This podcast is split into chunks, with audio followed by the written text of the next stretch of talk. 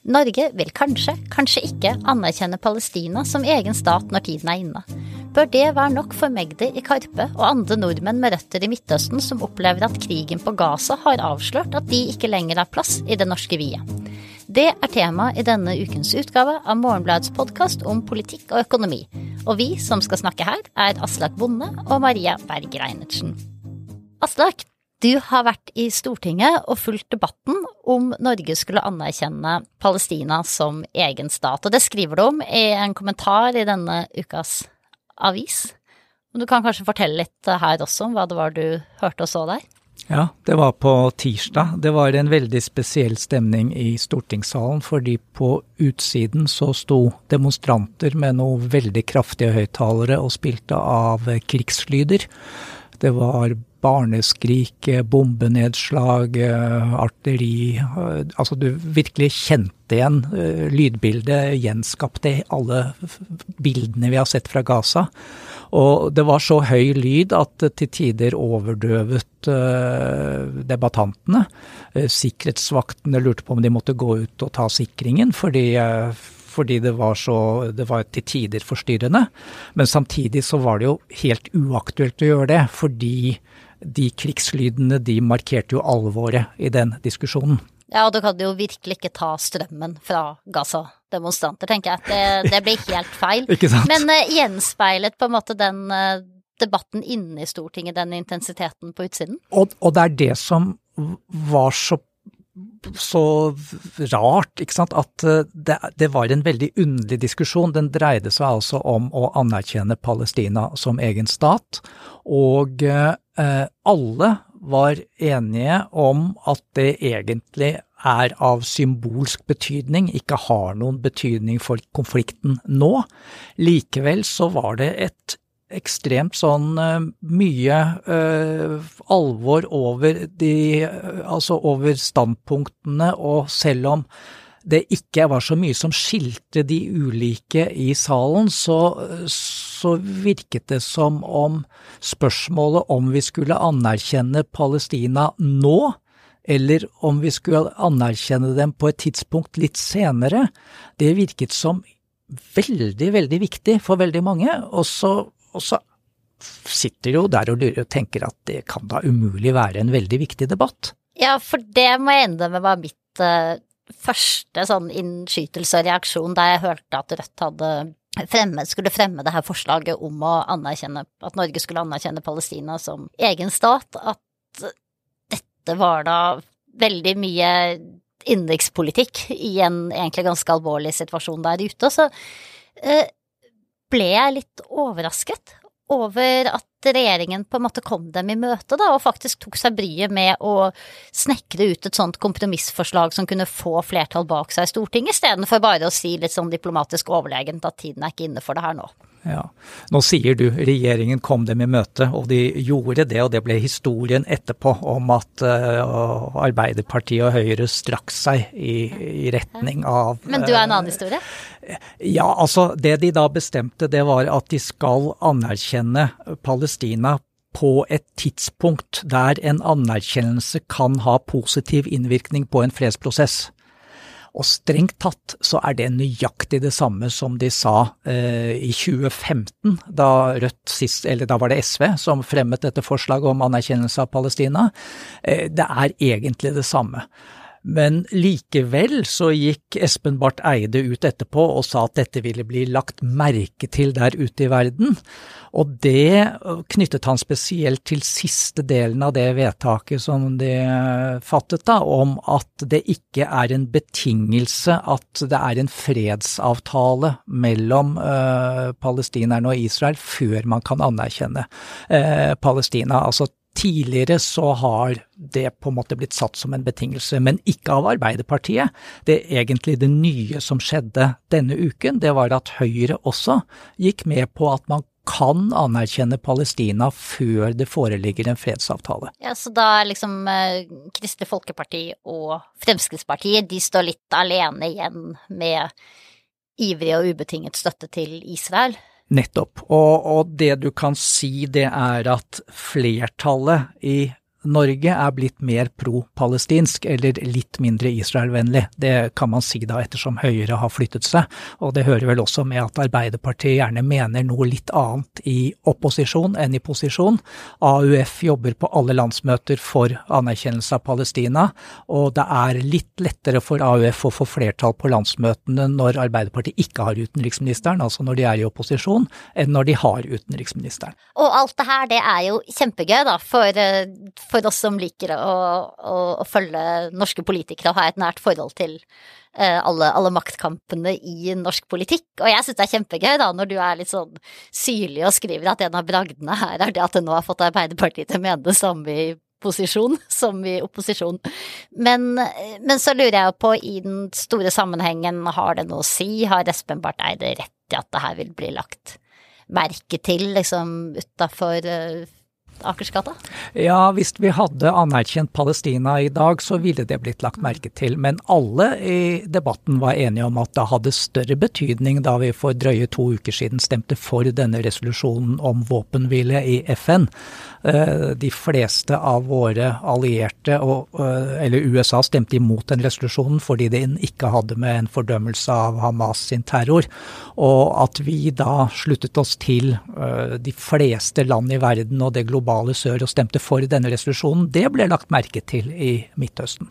Så sånn sett så følte nok på en måte Espen Barth Eide at totaliteten, både den stemmegivningen i FN og det at man da har tatt dette bitte lille skrittet i synet på anerkjennelse av Palestina. Totalen ble at vi virkelig har beveget oss ganske langt. Så da yes, eh, Som du skriver, jeg må bare sitere det, så, så har da Espen Barth Eide den unike evnen at han kan hente opparbeidet da, gjennom lang tid i eh, diplomatiet. At han kan få veldig bitte små endringer til å fremstå som, som store og, og substansielle, eh, med en slags sånn troverdighet. Men, men utenfor uh, Stortinget så er jo ikke oppfatningen nødvendigvis blant dem som, som er eh, støtter Palestina, og som er opprørt over det som skjer på Gaza nå, at, eh, at Norge liksom har storma over i, i Camp Gaza. Nettopp. Det er, jo, det er jo det som på en måte gjør den diskusjonen på tirsdag egentlig veldig stor sånn i norsk sammenheng, fordi den går jo nettopp inn i det spørsmålet som er blitt aktualisert de siste ukene, om vil, eh, altså som Magdi i Karpe var den som satte ord på i en kronikk han, hvor han skrev at det finnes, han, det finnes ikke noe store vi, eh, noe vi lenger, og eh, hvor han på en måte tok Gaza-krigen og de norske reaksjonene på Gaza-krigen som det var dråpen som fikk begeret til å flyte over, og hvor han pekte på den vestlige dobbeltmoralen, ikke sant, og hvor da eh, vi reagerer annerledes på overgrep i Gaza, eller på krigen i Gaza, enn på krigen i Ukraina. Men den kronikken, den syns jeg var så interessant, fordi det er der, du vet, når du, når du leser noe, så eh, tenker du at oi, ja, sånn kan det jo også ses. Sånn kan det også være, men jeg hadde ikke tenkt på det selv. Eh, fordi jeg må innrømme at eh, jeg hele tiden fra Altså fra inntil jeg leste den kronikken, så hadde jeg jo en slags opplevelse av at den liksom reaksjonen fra de politisk ansvarlige i Norge uh, på, på, krigen på Gaza var ganske sånn balansert, ikke sant. Den, en var jo ganske raskt ute med å fordømme Hamas. Og, altså man fordømte Hamas med en gang, men man var også raskt ute, ute med å kalle Hamas en, en, terrororganisasjon. Men hele tiden mens man gjorde det, så løp det jo en sånn advarsel om at ja, Israel må huske på at deres respons må være proporsjonal, ikke sant. Så, og, og, som du sier, så var man jo også eh, gikk man litt lenger enn en mange andre allierte i Nato, f.eks. ved å stemme for en sånn eh, våpenhvile i, mm. i FN. Uh, og så leser jeg Megity, og så tenker jeg at nei, men det her avmålte, da, som jeg har sittet og, og kanskje likt litt og følt meg litt beroliget av, ikke sant, her har vi et land som kan snakke med innestemme, mm. eh, det er jo en skrikende kontrast, hvis det at du sammenligner med, da, ikke er på en måte litt sånn hysteriske Israel-venner på den amerikanske høyresiden eller noe sånt, men, men den veldig tydelige og ikke-nølende fordømmelsen Norge har hatt av Russland sine overgrep i uh, Ukraina. Mm. Ja, du, hvordan, ja, hvordan, var det for deg? Nei, altså nå bekrefter du jo nettopp akkurat Magdis poeng. ikke sant? Det er avhengig av hvilken uh, linse du har på kamera. Altså har du vidvinkel eller har du telelinse. Det var jo der han starta den kronikken. Og, og det, jeg er helt enig med deg at innenfor de rammene som jeg og de fleste med meg betrakter norsk politikk på, så er vi veldig balanserte og blitt mer pro-palestinske, som jeg sa. Men hvis du ser på det i et større bilde, så er vi veldig vestlige. Og, og, noe av det mest interessante, synes jeg, det er at Espen Barth Eide han beskriver jo dette selv som analytiker. Han, eh, han var allerede rett etter at vi stemte for denne FN-resolusjonen, så sa han at det er veldig viktig at vi ikke opererer med doble standarder. Og han har skrevet, eh, jeg tror det var i forrige uke eller i starten av denne uken, en kronikk i Dagens Næringsliv som heter eh, Vesten mot resten, hvor han skriver om hvordan, eh, hvordan det ser ut fra det globale sør, det som nå skjer med vestlige reaksjoner på Gaza. Og der skriver han jo at jeg får sitere, det er mitt klare inntrykk at mange av våre mest nærstående land ikke fullt ut tar inn over seg hvor annerledes blodbadet i Gaza leses i arabiske land eller i land i det globale sør. Ikke sant? Altså, sitat slutt, da. Han forstår så veldig godt hvordan det kan se ut der utifra. Eh, men, men. ikke sant, han tenker at det må holde å bevege seg med et museskritt når det gjelder å anerkjenne Palestina, og så viser vi på en måte at vi, at vi forstår det globale sørs perspektiv. Og det er vel der han ikke treffer uh, demonstrantene der ute, og heller ikke treffer Magdi, tror jeg, fordi, fordi han da i stortingssalen kommer helt tilbake igjen til den norske politiske virkeligheten og de rammene som settes av oss ved at vi er vestlige. Det er liksom det vestlige eh, rammeverket som gjelder, da. Ja, og mm. da blir det en kontrast der til f.eks. hvordan krigen i Ukraina virket, da. Hvor man var klar til å bryte en masse sånn utenrikspolitiske vedtatte sannheter, som at vi plutselig begynte å gi bort våpen til land i krig utenfor Nato. Og, og kunne bryte handlingsreglene for å skaffe penger til, um, til støtte til, mm. um, til Ukraina osv., ikke sant. Så.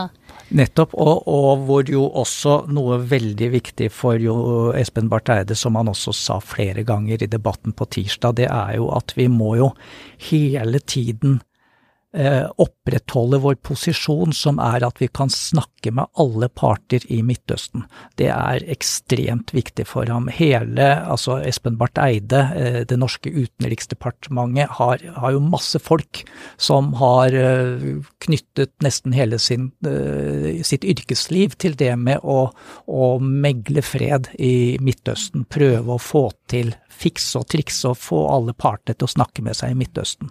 Og når han da understreket så sterkt dette her at vi ikke må anerkjenne Palestina nå, man må vente til det rette tidspunktet, så er det rette tidspunktet for Espen Barth Eide når det kan virke bra i et eller annet diplomatisk fremstøt fra Norge for å få påvirket alle de andre partene. Og og dette, spesielt i dagens situasjon, så virker jo det litt pussig, ikke sant, fordi eh, det er jo ingen i Midtøsten i dag som virker noe interessert i norske fredsbestrebelser i det hele tatt. Det, ja. ja. Nei, men, men, men jeg smiler litt også, det kan jo ikke lytterne våre se, men det er for når du bruker det ordet norskt fremstøt, ikke sant, er jo, da er vi jo på, virkelig på den her statsvitenskapelige biljardkulemodellen for utenrikspolitikk, der, der stater ses på som sånn biljardkuler, da. Altså det betyr at jeg, eh, det er ikke noe indre uenighet, og så går de rundt på dette spillbordet, da, som er biljardbanen, og støter borti hverandre og skaper politisk utvikling. Og så syns jeg noe av det som er, eh, er interessant med den kronikken til Magdi, det er jo det at den minner om at vi Norge er jo ikke en biljardkule i, i denne sammenhengen, ikke sant. Vi har jo også en masse indre, indre motsetninger, og én ting er hva Norge kan liksom oppnå oppnå av, av diplomati i, i Midtøsten. Men, men, noe annet er jo hvordan krigen på Gaza kommer hjem til Norge og, og til Europa. Og, og, det skriver han jo om, at denne krigen her, den har fått han til ikke lenger føle seg som en europeer, fordi han skjønner det at den reaksjonen som, uh, som er fra politisk hold, er så Ja, ikke bare i Norge, da, men også i andre land, er så liksom Israel avmålt eller, uh, eller Israel-vennlig. Og det tenker jeg Jeg tenker at vi, vi har snakket om Espen Barth Eide og hvordan han reagerer nå, vi skal snakke litt om Støre, men, men jeg opplever at dette også er en kritikk av av oss som borgere, og ikke minst eh, kanskje oss som har jobber i pressen. Da. Han nevner jo på en måte hvor, hvor lite oppmerksomhet uh, de norske borgerne på Gaza fikk i norske medier. Det var også noe som traff meg litt, for det var jo ikke det at det ikke ble rapportert at det var masse norske borgere på Gaza, men uh, det var klart det var ikke sånn at hver eneste nyhetssending starta med det. Og så virker det kanskje nesten som den kronikken har endra det her litt. For det ja, har jo kanskje. vært mer oppmerksomhet etterpå. det har det, og ikke minst altså statsministeren har jo svart. Jonas Gahr Støre svarte i Aftenposten her på torsdag kveld, eller eh, onsdag kveld, eh, med en eh, kronikk som et svar til Magdi. Kjære Magdi, starter den. Hvor hvor Jonas Gahr Støre sier seg helt enig. Han sier han forstår veldig godt uh, Magdis følelser. Han, han, sier at han tar det inn over seg og prøver å si at jeg tenker likedan som deg, men samtidig så griper han ikke i det hele tatt, synes jeg, nå er jeg spent på hva du mener om det svaret, men, men jeg tenker at han ikke griper fatt i det som uh, jeg oppfattet egentlig som hovedpoenget til Magdi nettopp dette med dråpen som fikk begeret til å flyte over. Ikke sant? Altså, eh, Jonas Gahr Støre er ikke i nærheten av å gå tilbake igjen og se hvordan vi f.eks. holdt på i Libya, hvordan vi holdt på i Irak. Og når jeg sier hvordan vi holdt på, så høres det jo litt sånn Er du del av det store vestlige vi-et med USA i front? ja, nei, egentlig så tenkte jeg vel at jeg sa det på en sånn litt foraktfull måte og tok avstand fra det, men ikke sant, altså Irak så tross alt man startet en krig på grunnlag av falske bevis. Eh, Tony Blair og George Bush er aldri noen gang blitt rettsforfulgt, slik som man kanskje kunne tenke seg noen andre eh, fra den andre siden ville ha blitt. Og Libya, så har jo Jonas Gahr Støre har en god utenrikspolitisk rådgiver som heter Henrik Thune, som skrev bok om Libya-krigen. Og der står det jo rett ut hvordan Norge ble lurt av Frankrike og Storbritannia til å misbruke FN, en FN-resolusjon om å forsvare menneskerettigheter til å bombe Gaddafi og hans folk i hjel.